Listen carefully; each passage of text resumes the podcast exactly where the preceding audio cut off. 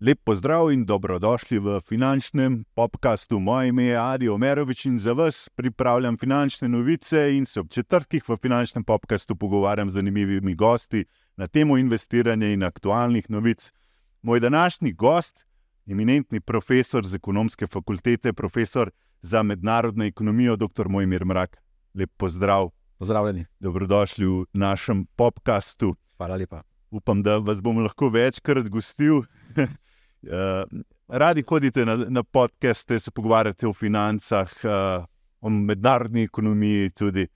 Jaz skušam, če se le da, to vrstna vabila sprejeti, ker se mi zdi, da je to končno tudi del moje uh, naloge. Uh, sem na javni fakulteti, na javni univerzi in mislim, da je prav, da če je to vrstni interes, da se na take stvari uh, odzoveš. Ne? Skušam pa jasno paziti, da se odzovem na tiste stvari, ki so z tega področja, ki ga pač ne. Mhm. Mednarodna ekonomija, kater segment tega je vam najbližje?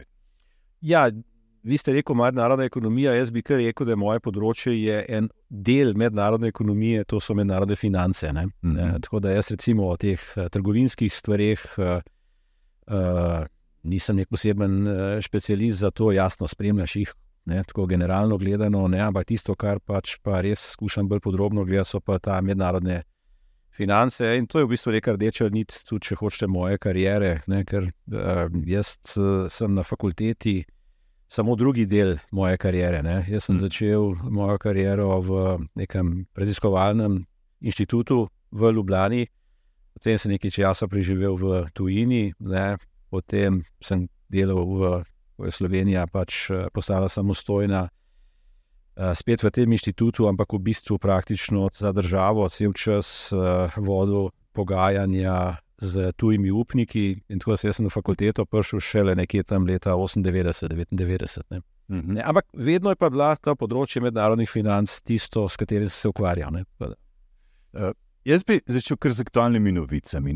Recimo, če gledamo uh, ameriški, newyorški indekse, NASDAQ, SP 500, vidimo v, zadnjih, v zadnjem mesecu pravzaprav. Uh, blazen skok, porast. Vsi pravijo, da je to, to zdaj mehki pristanek, o katerem je Jeremy Pavel, prvi mož Feda, uh, razlagal. Je to to, kar vidimo zdaj v praksi, po vašem mnenju?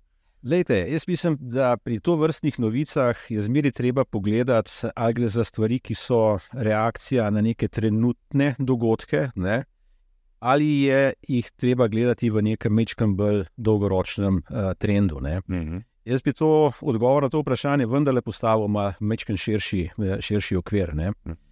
Zakaj je to potrebno? Ker v bistvu mi smo deset let od finančne krize naprej živeli v nekem precej nenormalni situaciji, kar se tiče obrestnih mer. Ne? Obrestne mere glavnih centralnih bank so bile praktično eno desetletje na nuli ali pa mm. pol celo pod njo. Za ston denar. Ja, in to je pač problem, ker smo to zdaj nekako že ponotranili, da je to neka nova normalnost. Ne? Ne? Mm. Ni nova normalnost to. Ne? Tako da to, kar se je zgodilo v zadnjih dveh letih. Ne? Da imamo uh, zopet obrestno mero centralnih bank nekje tam na nivoju 4-5 eh, odstotkov. Ne. To je bistveno bliže tistemu, kar je normalno, recimo v nekem ciklu 30-40 mm -hmm. uh, let. Ne. In zdaj jasno, ko so te obrestne mere se začele uh, dvigovati, ne, najprej v Ameriki, potem Velika Britanija, ne, z, z zamikom tudi v Evropski centralni banki, ne, je jasno prišlo do tega, da so se morali vsi ti investitorji na nek način na novo prešteti, kam plasirati svoje sredstva. Uh mhm. -huh. V času, ko je bila obrestna mera zelo nizka, ne, so bili donosi na obveznice, zlasti obveznice uh, boljših bonitet, uh, negativne. Ne. Da si predstavljate, da ti si investiral v neko obveznico z trojnim A-ratingom in si dobil nazaj main. Kot v trenutku, ko si investiral. To jasno pomeni, da so bile obveznice popolnoma nezanimive -hmm. za investicije, in v tisti situaciji je jasno šlo veliko denarja v delnice in v druge stvari. Mm -hmm. Zdaj, ko je pa jasno obrestna mera, ne, da rečem, šla na neko normalno. Mm. Na neko normalno območje, ne, so pa tudi jasno donosi na to vrstne obveznice postali zopet pozitivni. Ne? In zdaj investitor jasno mora gledati, dobi zdaj tudi pri obveznicah nek pozitiven donos ne? in pol gleda, koliko je ta razlika med donosom na obveznice in delnice, ne? Kam bo investiral. In v nekem trenutku, ko so, bile, ko so se te donosi v bistvu ne, približali temu, kar lahko investitorji dobijo skozi delnice, ne, uh Mhm. -huh. je potem jasno interes, da delnice se zmanjšal. Ne. Mhm. Ne, tako da, Če dobiš 5 odstotkov, zakaj bi riskiral, sploh na delniškem trgu? Še... no, zakaj bi šel jaz recimo za delnico, ne vem, na, na pamet rekel 5 odstotkov, če dobim lahko recimo 3 odstotke za neko obveznico, je ta razlika relativno mehna. Ne, ne. Je pa jasno, sigurnost drugačna. No, in to, kar ste pa vi zdaj vprašali, je pa res, ne, da zdaj, ko se pa ta v bistvu inflacija ne, z to politiko centralnih bank, z višanjem obrestnih mer, ne, cilj je bil znižati inflacijo, in to se zdaj dogaja. Dogaja. Ne, inflacija gre dol. Mm. In jasno, vsak tak, da rečem, padec inflacije ima takoj vpliv na en in drug od teh dveh inštrumentov. Ne, Mhm. In to, kar se recimo zlasti v Ameriki zdaj v zadnjih, da pa rečemo, ne, dneh, te, te, ne, dneh dogaja, je, da je inflacija šla dol bolj, kot so trgi pričakovali. Ne. Mhm. Mhm. Ta inflacija je še vedno 3 odstotke, ne, ne, Tako. ne, ampak je padec znaten. Ne. V Evropi smo kle zopet malo kasnejši, ne, ampak uh, inflacija se znižuje. Ne. Tako da zdaj ne, lahko rečemo, da so centralne banke za to svojo politiko uspele doseči tisto, kar so želele, ne, Mhm. znižanje inflacije. Ne. Je pa jasno vprašanje, ne, kakšna je cena za to. Ali bo to znižanje inflacije ne, bilo tudi spremljanje z znižanjem gospodarske rasti in Mhm. tako naprej. Tukaj pa zdaj pa že pridemo do vprašanja, kaj so cilji centralnih bank. Ne, ne. In cilj ECB-ja ni identičen cilju, recimo, Feda. Ampak oboje govorijo o dveh odstotkih, Ja. ja. da želijo priti. Zakaj pravzaprav je optimalna eh, dva odstotka? No, leta, je to zdaj dva ali je to dva, pa pol, ne, neka stopnja inflacije zelo nizka, ne, je nekaj, kar je za ekonomijo uh, primerno. Ne. Uh, je pa, kot sem rekel, ti imaš recimo v Evropski centralni banki ne, samo en cilj. Ne. Evropska centralna banka ima en cilj in to je cenovna stabilnost, to je to, kar ste vprašali. Se pravi, inflacija nekje na nivoju okrog dveh odstotkov, medtem ko ima recimo FED. Ne, uh, dva cilja, dva eksplicitna cilja. Ne. Poleg stabilnosti cen, tudi nezaposlenost, oziroma znižanje nezaposlenosti, oziroma gospodarsko rast. Ne. Mhm. ECB gospodarske rasti nima med svojimi, da rečem tako, formalnimi cilji. Ne. Mm. To je mal posledica tega, kako je Evropska monetarna unija nastajala. Ne.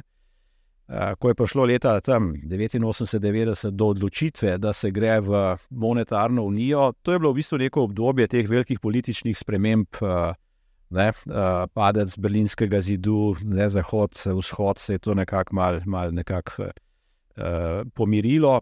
Um, v tisti konstelaciji je prišlo pol tudi do, zelo hitro do tega, da uh, se je pokazala možnost za politično združitev Nemčije. Ne, ne. Mhm. In zdaj politična združitev Nemčije ni bila po godu vsem drugim, da rečem, Akterjem akterjem, gledam v Evropi. Ne? Recimo tudi Francija je na to stvar gledala malo z tako lepo zadvignjenimi obrvmi. Ne? Jasno, ne? ne smemo pozabiti izkušenj, ki smo jih imeli dvakrat v prejšnjem stoletju v Evropi. Ne? No, in zato je bil v bistvu pol nek koncept, ok, ne preprečiti se združevanja Nemčije ne da, ni korektno, ni prav, ne? ampak naj bo ta združena Nemčija ne, v bolj integrirani Evropi. Ne? Ta bolj integrirana Evropa pa pomeni dejansko prehod iz štirih svobod na monetarno unijo. Ne? Tako da, lejte, Nemčija ni bila posebej zainteresirana za monetarno unijo. Ona je bila čisto zadovoljna z Marko, ne? ampak ko je pač prišlo do tega dogovora, da se gre v monetarno unijo, ne? Je pa pol v bistvu prišlo do tega, da je rekla, ok, ne, ne, če že gremo v monetarno unijo, pol ne bo pa to narejeno po nemškem, da rečem tako muštru. Ne? Mhm. Mhm. In zato je tudi v bistvu zelo ta model Evropske centralne banke narejen po modelu Bundesbanke. Ne? Mhm. Bundesbanka je imela tradicionalno, to je pa ta zgodovinska ne, uh, refleks na tisto hiperinflacijo v 20 letih, ne, en cilj, to je cenovna stabilnost. Ne? In tako ga ima tudi Mhm. ECB. Ne? Da, to se mi zdi pomembno razumeti, ker včasih, ne, včasih je, eh, to ni ravno. Ja, tudi to sem želel vprašati. Recimo, če, če gledamo Nizozemsko, Belgijo, imajo čisto drugačno inflacijo, kot jo imamo mi, ali pa vem, vzhodna Evropa. Če gledamo v ZDA, ne, neke zvezdne države, imajo vsi enako to stopnjo inflacije. Ne, vsi se. Ja, Zdaj, mi smo drugače. Ne? Evropejci, ne, ali pa rekel, ne, člani Evropske unije, se doskrat hočemo primerjati z Združenimi državami Amerike. Ne, ja. ne, se govorimo o Združenih državah Evrope, včasih, ne, ampak nekaj moramo si biti vendarle zelo na jasnem. Ne, da je Amerika je ena suverena država, mm. ne, Evropska unija je pa združenje uh, eh, 27 suverenih držav, ki so del svoje suverenosti predale na nivo. Evropske unije, ne, te, ki smo pa v monetarni uniji, smo pa še na nekem dodatnem področju to ne, pristojnost predali na nivo Evropske eh, centralne, centralne banke. Tako da ta primerjava ne, preprosto ne vzdrži. Ne. Ja. Zdaj, ko pa poslušate okrog inflacije, ne, ja. je, pa, je, pa dejstvo, je pa dejstvo naslednje. Ne. Tam imajo že deflacijo praktično, ne. tam so že. Uh... Ne, ne, govorim o nizozemski Belgiji. Ja, ja, ja. Ne, ne, ne. Recimo za primerjavo pri nas, ko je 6,9. To, to, to ni res. Ne. Nobena država Evropske monetarne unije ali pa Evropske unije v letošnjem letu nima deflacije. Zdaj je bilo poročilo Evropske komisije, ne, ki je dalo, kakšno je stanje v letu 2023 in kakšno je stanje predvideno za 2024-2025. V vseh državah je predvidena ne, napovedana in je tudi v letošnjem letu inflacija, še, je pa res to, kar pravite, da je ta inflacija bistveno nižja kot pri nas. Ne, vključno z Belgijo in Nizozemsko. Ne. Te države bodo pa šle na inflacijo pod dvema procentoma, ne, se pravi pod tisti nivo, ki ga Evropska centralna banka nekako targetira. Ne, je pa res, da mi smo pa znatno nad tem. Eh, ne, in to je en resen problem, jaz mislim, Slovenija lahko za naslednje leto, dveh, ne, da bo naša inflacija višja od povprečja inflacije v evroconi. Ne? Je že dvakrat više zdaj, ne? Ja, no, Preče ja. je tri, mi smo pa ja. šest. Točno to, ne? se pravi. Ampak kaj to pomeni? To pomeni, da v bistvu imamo, ne, da smo mi zdaj soočeni z eno situacijo, ne, da ne moramo naše konkurenčnosti spremenjati, boljšati z spremembo deviznega tečaja, ker smo pač v monetarni uniji. Tako da uh, bomo morali ta problem, ki nastaja zaradi te razlike v inflaciji. Ne, kaj, mhm. v čem je problem te više inflacije pri nas? Problem te više inflacije je, da to v bistvu znižuje našo konkurenčnost. Ne. Naše blago, naše storitve na mednarodnih finančnih trgih ne, so zaradi naše više inflacije ne, postajajo manj konkurenčne. Se pravi, bomo je že izvažali. Ne. Za nas je pa izvoz življenjskega pomena. Ne? Ker smo majhna država. Pa, lejte, jaz bi rekel, da je res, majhne države v principu so zelo odvisne od mednarodnih, eh, od mednarodnih uh, tokov, ne? ampak v Sloveniji je ta, bi rekel, procent še, še mogoče dodatno velik. Ne? Mi živimo praktično 70-80% našega BDP-ja. Izhaja iz izvoza. Ne? Mhm. Slovenija, ne, ali pa Slovenci bi bistveno slabše živeli, če ne bi bili tako mednarodno upeti. Ne? Uh mhm. -huh. Recimo, ne, mi doskrat govorimo o kakšni Kitajski, kakšni Ameriki. Ne. To so ponominalno dejansko države, ki imajo največje izvoze. Ampak pri njih izvoz predstavlja 20 ali manj odstotkov bruto domačega proizvoda. Ne. Se hm. pravi, da te države ne, sicer ogromno izvažajo, ne, ampak imajo tudi ogromen domač trg. Da, tudi veste, ko pride do neke finančne krize, ne, imajo te države popolnoma drugačne alternative prilagajanja na to krizo kot Slovenija. Ne? Ne? Ti preprosto v Sloveniji, če pride do neke krize z nekimi uh, usmeritvami, da boš stvari reševal ne, na domačem področju. -huh. Imáš, imaš možnosti zelo omejene, ker je vse, kar približno 20% od tistega, kar proizvedeš, gre na domač trg. Uh -huh. 80% pa ven. Ne? Tako da ne, v teh velikih državah je to drugačne. Naš slovenski BDP, mislim, da je bil 1,1 odstotni eh, po zadnjih podatkih. V prejšnjem eh, letu, v istem časovnem obdobju, je bil 1,6. Pravi, tudi pada. Ne? Ja, no, lejte, cela, cela, cela Evropa je v letošnjem letu v uh, manjšo gospodarsko rast, kot jo je imela. Ne? Mi imamo ne, nekatere države, bodo v letošnjem letu celo beležile negativno gospodarsko rast. Ne?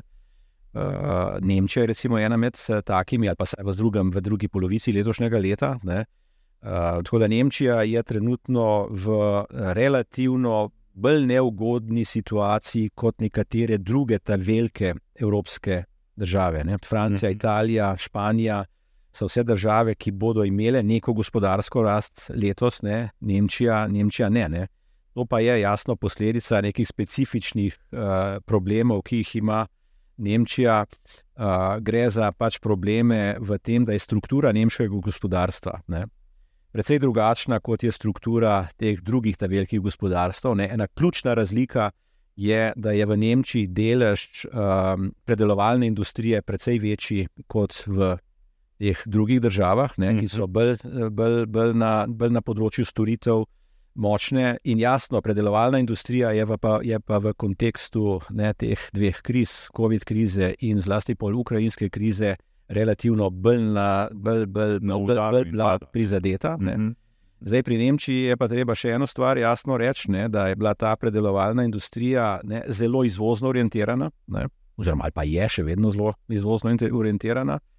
In to na trge, ki tudi niso danes v sjajni eh, koži. Ne, recimo, ne, Nemčija je precej izvažala na Kitajsko, ne, kitajska ekonomija pa ima določene, da rečem kratko, strukturne, strukturne probleme.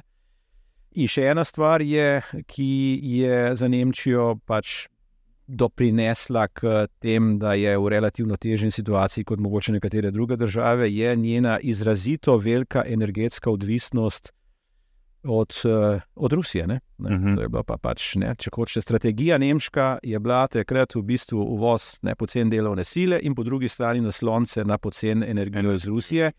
Oboje se je zdaj to malo ne spremenilo, Ja. za majem. Ne, in um, ne, Nemci bodo ta svoj gospodarski model, ne, eh, ga že intenzivno menjajo, in mislim, da Nemci, kakršni so, bodo tudi iz tega verjetno ne, išli v določenem času z, po mojem, nekimi resnimi spremembami. Uh, niso pa v Nemčiji samo to problemi, kar smo se tukaj pogovarjali. Ne, tudi Nemčija, recimo, stalno bila, uh, bila na nek način kritizirana, govorim zdaj pa to zadnjih deset let, ne, uh, ko je imela te ogromne uh, plačilno-bilančne presežke, se pravi suficite, presežke v tekočem delu plačilne bilance. Ne, je bilo stalno govora, da bi uh, morala bistveno na eni strani povečati trošenje, Mhm. in po drugi strani povečati investicije. Ne.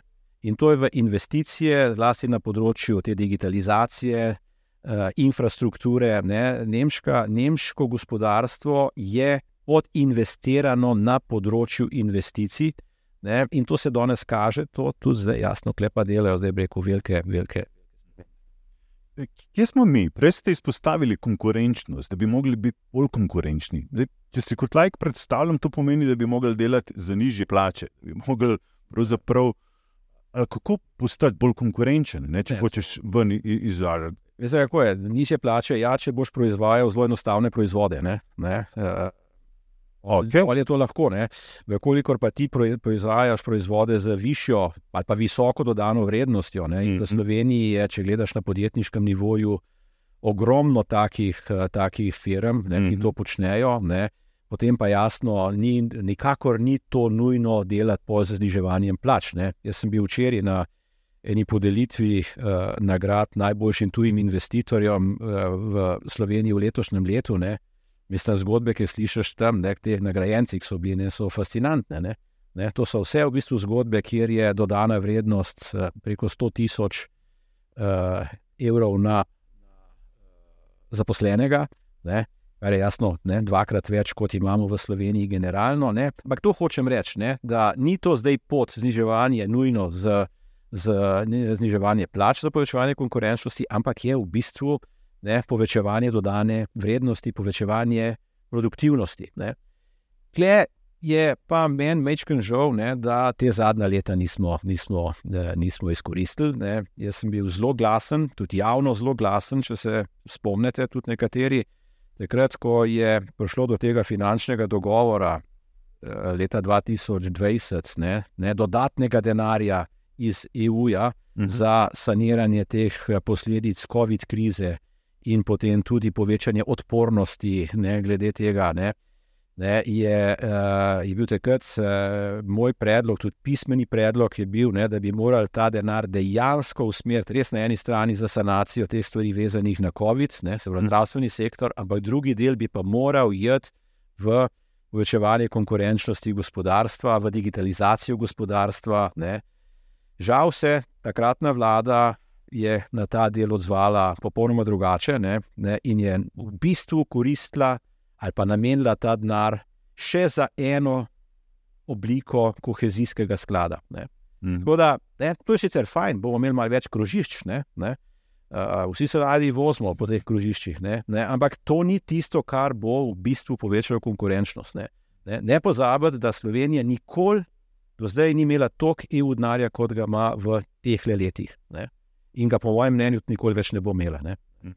Zato je škoda, ne, da to, uh, da to um, nismo uporabili malo drugače. Še enkrat pa poudarjam, da na to smo opozarjali in to opozarjali pravočasno, ampak takrat ni bilo posluha za, za razgovor. Sedanja vlada to skuša mečken spremeniti. Ne, uh. -huh. Ampak, veste, ko gre enkrat poznati poznanje, ne, ta, ta, ta, ta, pre, ta, se, rek, ne, da krivo drino se ne da spremenjati. Ne. Ne. Da, ne, ti lahko mečkam korigiraš, ampak ko je enkrat stvar bila določena, nekih bistvenih sprememb ni več, ni več mogoče. Ne. Tako da so podjetja, kle, jaz mislim, da izredno, kako bi rekel, inovativna.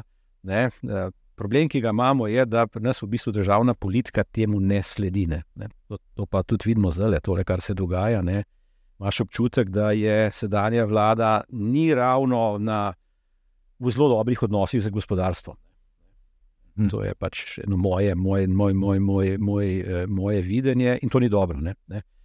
Ni v redu, če, ključn, če, če je ključna logika ekonomske politike, kako deliti obstoječi kolač, ne, ne pa kako ta kolač povečati, ne, in pol jasno, tudi je prestrukturiranje bistveno lažje. Mhm.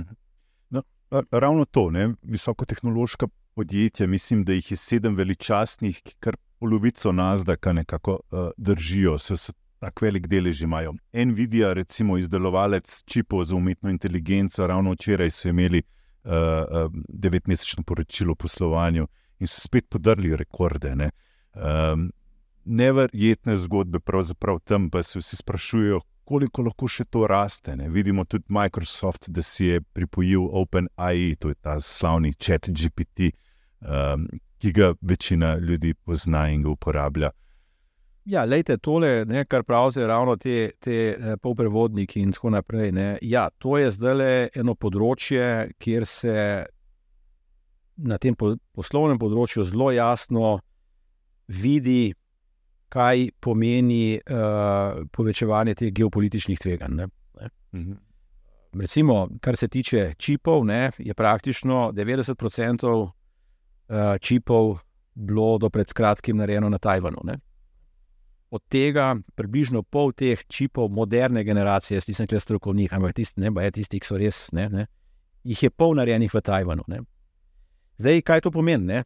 To pomeni, da uh, v obstoječem geopolitični situaciji, ne, uh mhm. -huh. ki se očitno zaostruje, ne, če bi se dva meseca nazaj pogovarjali, ne, bi verjetno rekli, da ja, glavno geopolitično tveganje je ukrajinska kriza. Ne, ne, ne, danes vidimo, da je, imamo že eno novo krizo. Ne, ne, ne, bilo bi, bilo bi hudo, bilo bi hudo na robe, ne, če bi prišlo še do kakšne, recimo, z imenom Tajvan. Ne, pa ne govorim o kakršni koli vojni ampak govorim čisto enostavno v neki situaciji, kjer, priš, kjer bi prišlo do resnega overanja izvoza čipov iz Tajvana. Ne? To, dragi moji, bi pa pomenilo v bistvu ustavitev gospodarstva praktično v svetu. Mm -hmm. ne?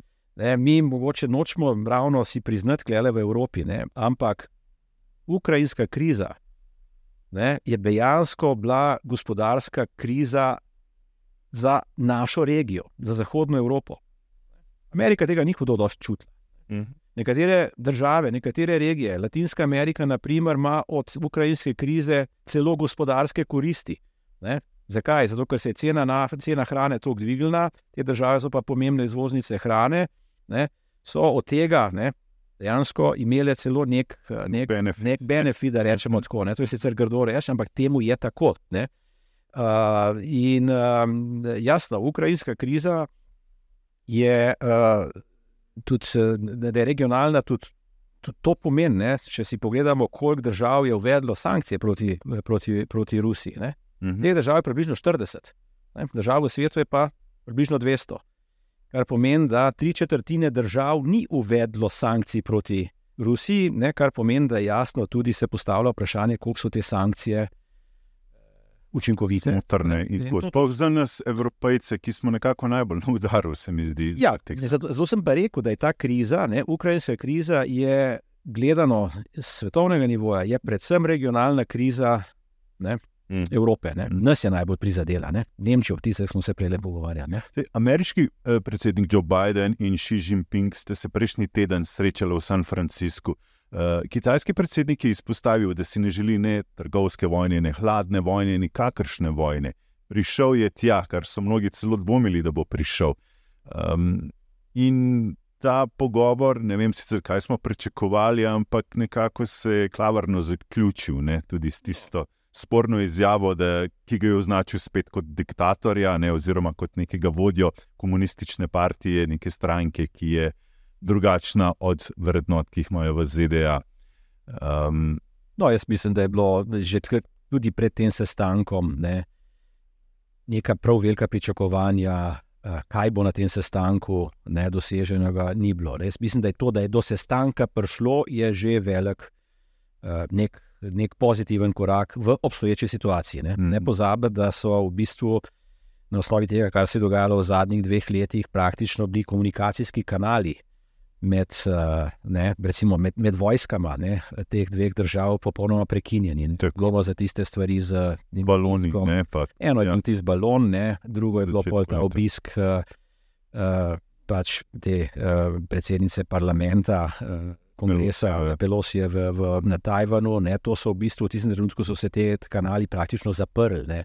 In zdaj, veste, imeti zaprte to vrstne kanale, ne, ob tem pa ladje se vozijo mimo Tajvana, ne, je eh, hudičo tvegano. Ne, ne, in zato jaz mislim, da je bilo od, po mojem, v obema stranema v interesu, da. Da, jaz ne bi rekel, da te tenzije zmanjšajo, ampak saj da imajo komunikacijske kanale, ne, ker če teh kanalov ni, potem lahko neka napaka, do katere pride slučajno, ne, je interpretirana Mhm. drugače. Ne, ne. Tako da v tem kontekstu je to sigurno dobro, da se je zgodilo. Ne. Mhm. Uh, ne, ni pa to zdaj nikakršen, po mojem, znak, da je to zdaj neka. neka, neka. To, lejte, jaz mislim, da svet, svet gre dejansko v neko smer. Uh, Več polarnosti. Miranja, ne, mislim, da celo več polarnosti smo že ne, v tem svetu. Ne, svet se je v bistvu spremenil v zadnjih desetih letih, petnajstih letih iz precej enopolarnega, ne, nekega sistema, ki je bil zelo, uh, kako bi človek rekel, zelo primeren za hitro globalizacijo. Ne. To je bil sistem, ki je bil vzpostavljen po drugi svetovni vojni, v kateri so imele zelo pomembno vlogo mednarodne organizacije, ne, pa ne govorim samo Mednarodni denarni sklad, Svetovna banka, klej, tudi recimo Svetovna trgovinska organizacija. Mm. Pravila igre so bile relativno jasna, vzpostavljena skozi te mednarodne inštitucije. Mhm. Ne? In to je bilo neko obdobje, to je bilo neko, neko, neko ja, obdobje, da rečem tako, ne? Ki je bilo zelo primerno za mednarodni biznis. Ne? Pravila igre relativno jasne, ne? politika se hudo dost ni mešala, geopolitike v tem času ni bilo kakšne hude, ne? tako da so podjetja so zelo hitro šla na drug konc sveta, ne? čist iz izključno gospodarskih razlogov. Ja, ja, tako. Ne. Potem je pa jasno prišlo počasi do tega, da je, da je ta svet post, začel postajati bolj multipolaren. Ne. Mhm. Uh, lejte, Kitajska, ko je prihajala v Svetovno trgovinsko organizacijo, ne, je bila glavna mantra takrat je bila, ne, američanov, vključiti Kitajsko v svetovno gospodarstvo. Ne. Ampak jasno, ne, vključiti jo v svetovno gospodarstvo po našem mustru, ne, ne, po našem vidu. Da bo nam odgovarjalo. Tako. Ja, ne, zdaj, uh, jasno, Kitajska si tega ni tako predstavljala ne, in je tudi s časom, s tem svojim zelo hitrim razvojem, je jasno začela ne, tudi te svoje, če hočete, geopolitične stvari bolj jasno artikulirati. Ne. Kitajska vidi globalizacijo kar precej drugače, kot jo mogoče mi vidimo na Zahodu. Ne? Mhm. Ne? Eh, Kitajska, recimo, je v zadnjih desetih letih ne, na osnovi teh velikih plačilno-bilančnih suficitov ne, imela ogromno finančnih viškov. Ne, pa se je Kitajska imela v enem trenutku 4000 milijard dolarjev ne, deviznih rezerv. Ne. Zdaj si predstavljate, te rezerve so več ali manj v dolarjih. Ne. Se pravi, Kitajski ni v enem velikem interesu, da se kaj neumnega zgodi z Z dolarjem. dolarjem, ker bi izgubili. Se pravi, da na kratek rok ne, so Kitajci in Američani, ne nam rekel partnerji, ampak ne, bojo morali živeti eden z drugim. Ne. Ampak zato, da bi Kitajska zmanjšala to svojo odvisnost od dolarja, ne, Ja. je jasno, pol tu skušala del teh deviznih rezerv diverzificirati. Ne, in ena od teh oblik je bila te investicije, ki jih je počela po celem svetu, ta svilnata pot, ogromne investicije v infrastrukturo. Ne, eh, to se zdaj v zadnjem času malo ustavlja. Ampak zakaj se ustavlja? Zaradi tega se ustavlja se zaradi tega, ker so številne države prišle v situacijo, da teh enormnih kreditov niso sposobne vračati. Ne, ne, ti imaš danes 20 žel v razvoju, ki so na robu bankrotov. Ne? Ampak veste, kdo je glavni kreditor? V, ve ne, ne, ne, ne. v večini teh držav, v večini držav v razvoju je glavni kreditor danes Kitajska. Kreditor, ne? Mhm. kreditor Kitajska. Ne? In ti imaš zdaj Kitajsko, ki je praktično v enem velikem številu držav v razvoju glavni trgovinski partner, glavni kreditor. Ne?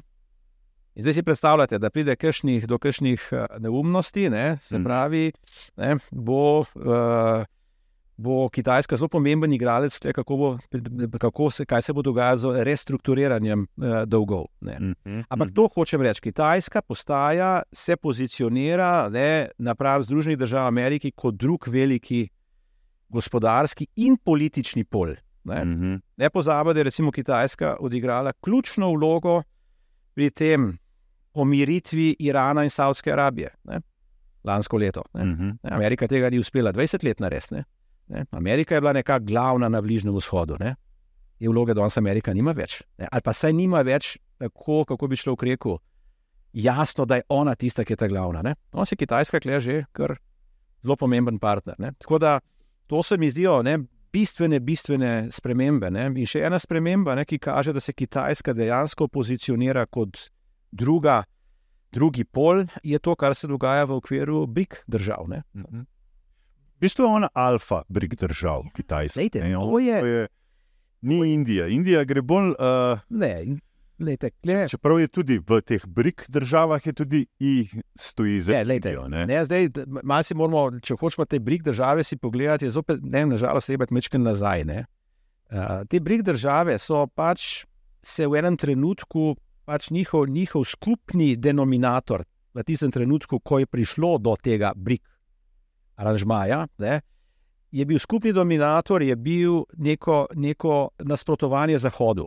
Ne. Mhm. ne, teh Mhm. mm. velikih držav, se pravi nasprotovanje unilateralnosti Združenih držav Amerike. Ne, ne, Mhm. to so bile, ne, se pravi Rusija, Brazilija, Indija, Kitajska in pol je zraven prišla še Še je sa, uh, Južna, Južna A- Afrika. Afrika. ja. Ampak to je bil skupni imenovalec tega njihove aktivnosti. Veste, ta družina teh petih držav, ne, kolikorkoli je bila enotna v odnosu do Zahoda, Ja. do to vrstnih stvari. Ne? Med sebojno, ne, te neke blazne koherentnosti ni bilo, pa Ja. kakšne velike ljubezni tudi ne. ne. To se je kazalo, recimo, oni so formirali neke institucije, ne, mm. neko tako imenovano novo banko, ne, ki praktično ni zares zaživela, ker se med sabo ne morejo zmeniti. Kdo jo bo vodil, koliko bo denarja dal, in tako naprej. Ne. In eden od ključnih problemov je, da so nekatere od teh držav ne, zelo nejevoljne bile do tega, da bi Kitajska se kle pozicionirala kot nek lider brig držav. Ne. Zlasti Indija je, je to zelo Nasprotovala. In uh, je prišlo, po mojem, v letošnjem letu do ene, jaz bi rekel, dramatične spremembe, ne, zopet v smeri krepitve kitajske pozicije. Ne. Mhm. Dva meseca nazaj smo imeli vrh brig Mhm. držav, kjer je bilo prvič na sporedu vprašanje, ali naj se brig širi. Mhm. Ne? Indija je bila izrazito proti temu. Ne? Kitajska je bila izrazito za, ne?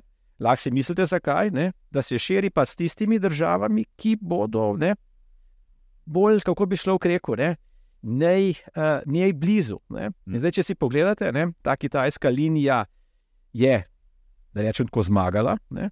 BRIC se je razširil z dodatnimi državami, ne?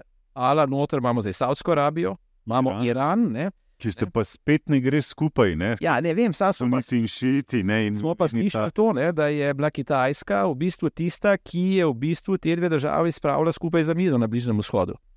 Ne.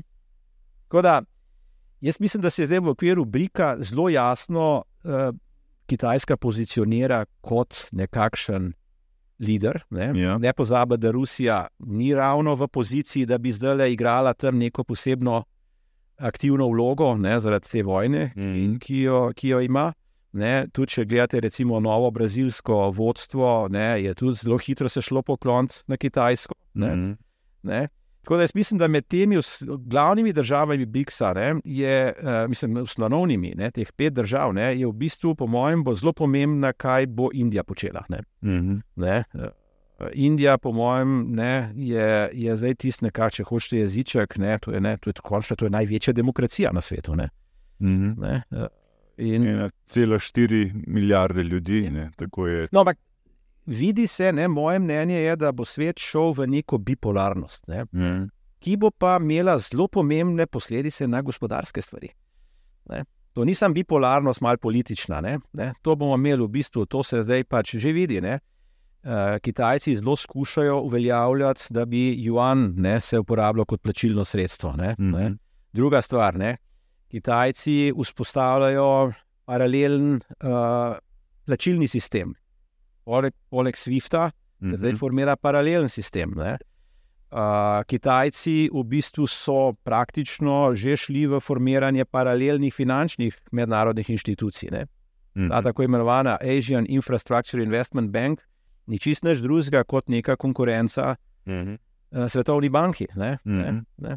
Prej smo se pogovarjali o dolžniških stvarih. Ne? Kitajska zdaj v bistvu v državah, ki pridejo v te dolžniške probleme, dejansko igra konkurenta mednarodnemu denarnemu skladu pri plačilno-bilančnem financiranju teh držav. ne. Pri čemer pa je denar, Ona jih rešuje, potem, jih rešume. ko, ko, ko Ja. potrebujejo. Sama, veste, po kakšnih pogojih? Ne? Tako, zelo čez paus. Ne, obrestne mere IMF-a so približno 2,5%, ne, Ja, ja. obrestne mere Kitajske so približno 5%. Ne.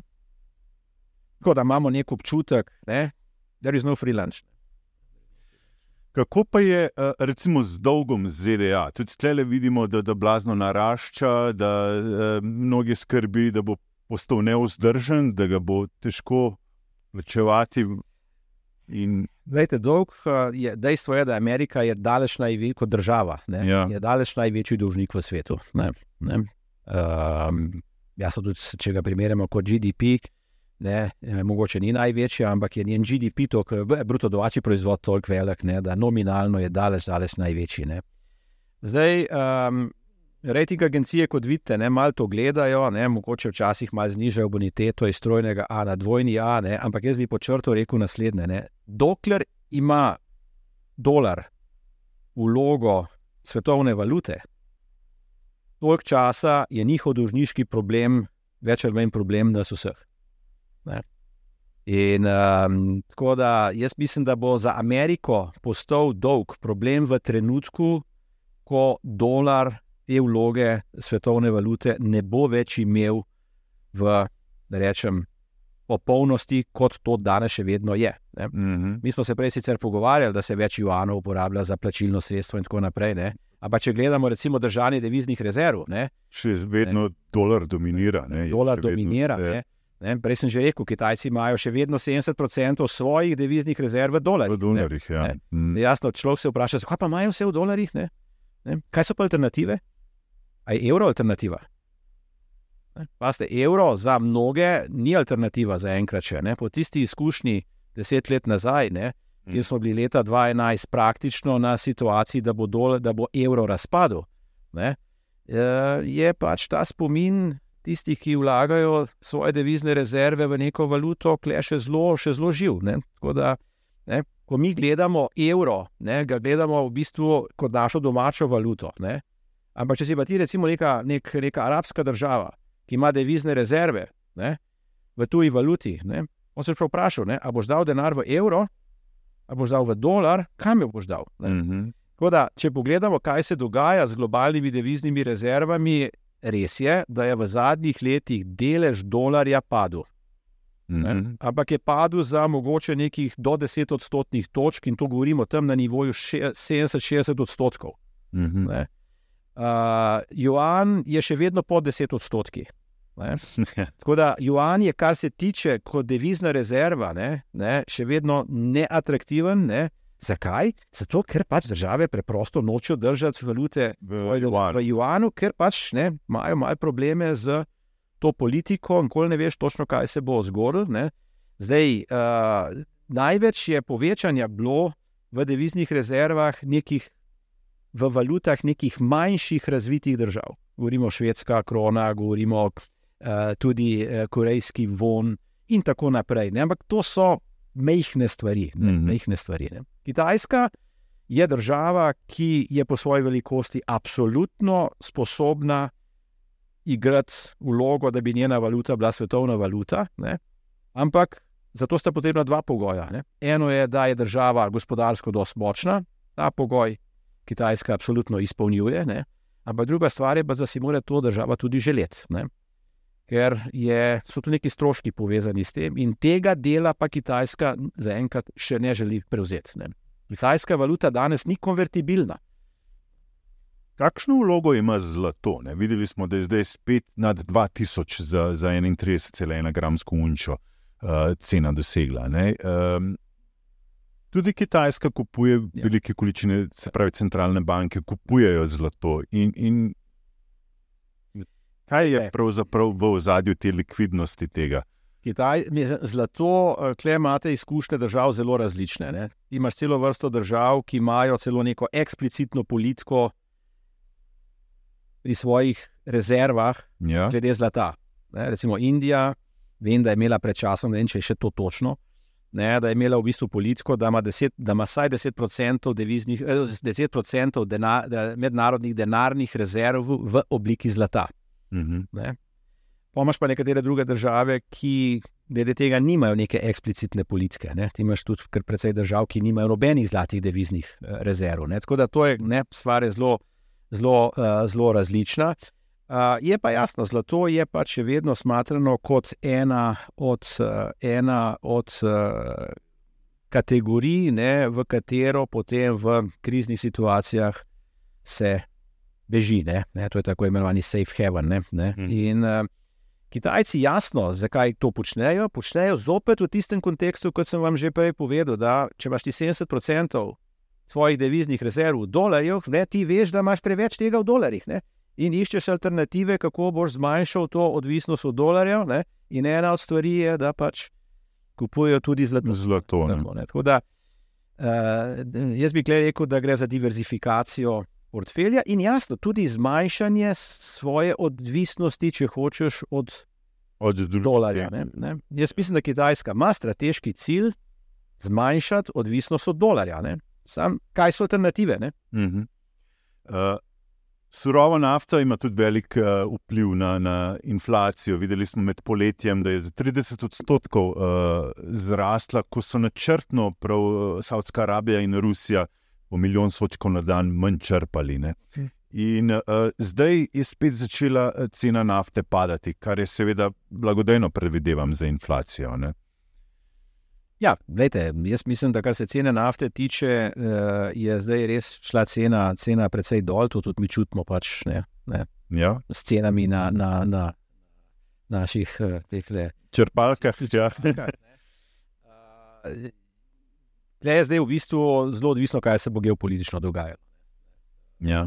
Mi, ko je prišlo do izbruha ukrajinske krize, ne, je.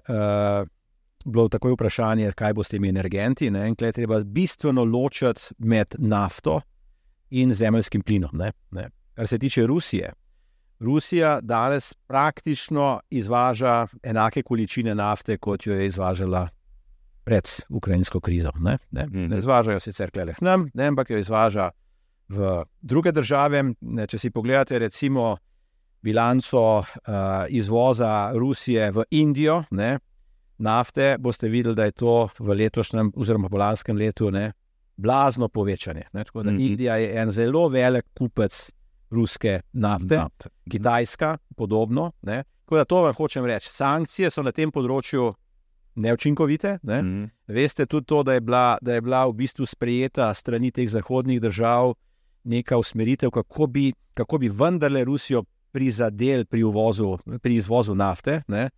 Uh, in so v bistvu sprejeli neko, neko odločitev, da uh, ladje, ki vozijo rusko nafto, ne dobijo zahodnih zavarovanj. Mm -hmm. To se sicer fajn sliši, ne, ker je bila ideja takrat to, ne, da drugih ladij praktično ni, ki mm -hmm. bi z nekimi drugimi zavarovanji vozile nafto. Ne. Uh, pokazalo se je pa to, da je v bistvu Rusija bila v stanju praktično formirati eno.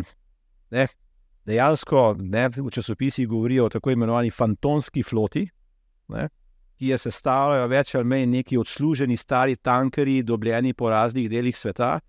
Ne, in te tankerji, jasno, zdaj veselo vozijo po svetu, uh, ne, brez to vrstnih zavarovanj, in pa ste, vsak od teh je dejansko ekološka bomba.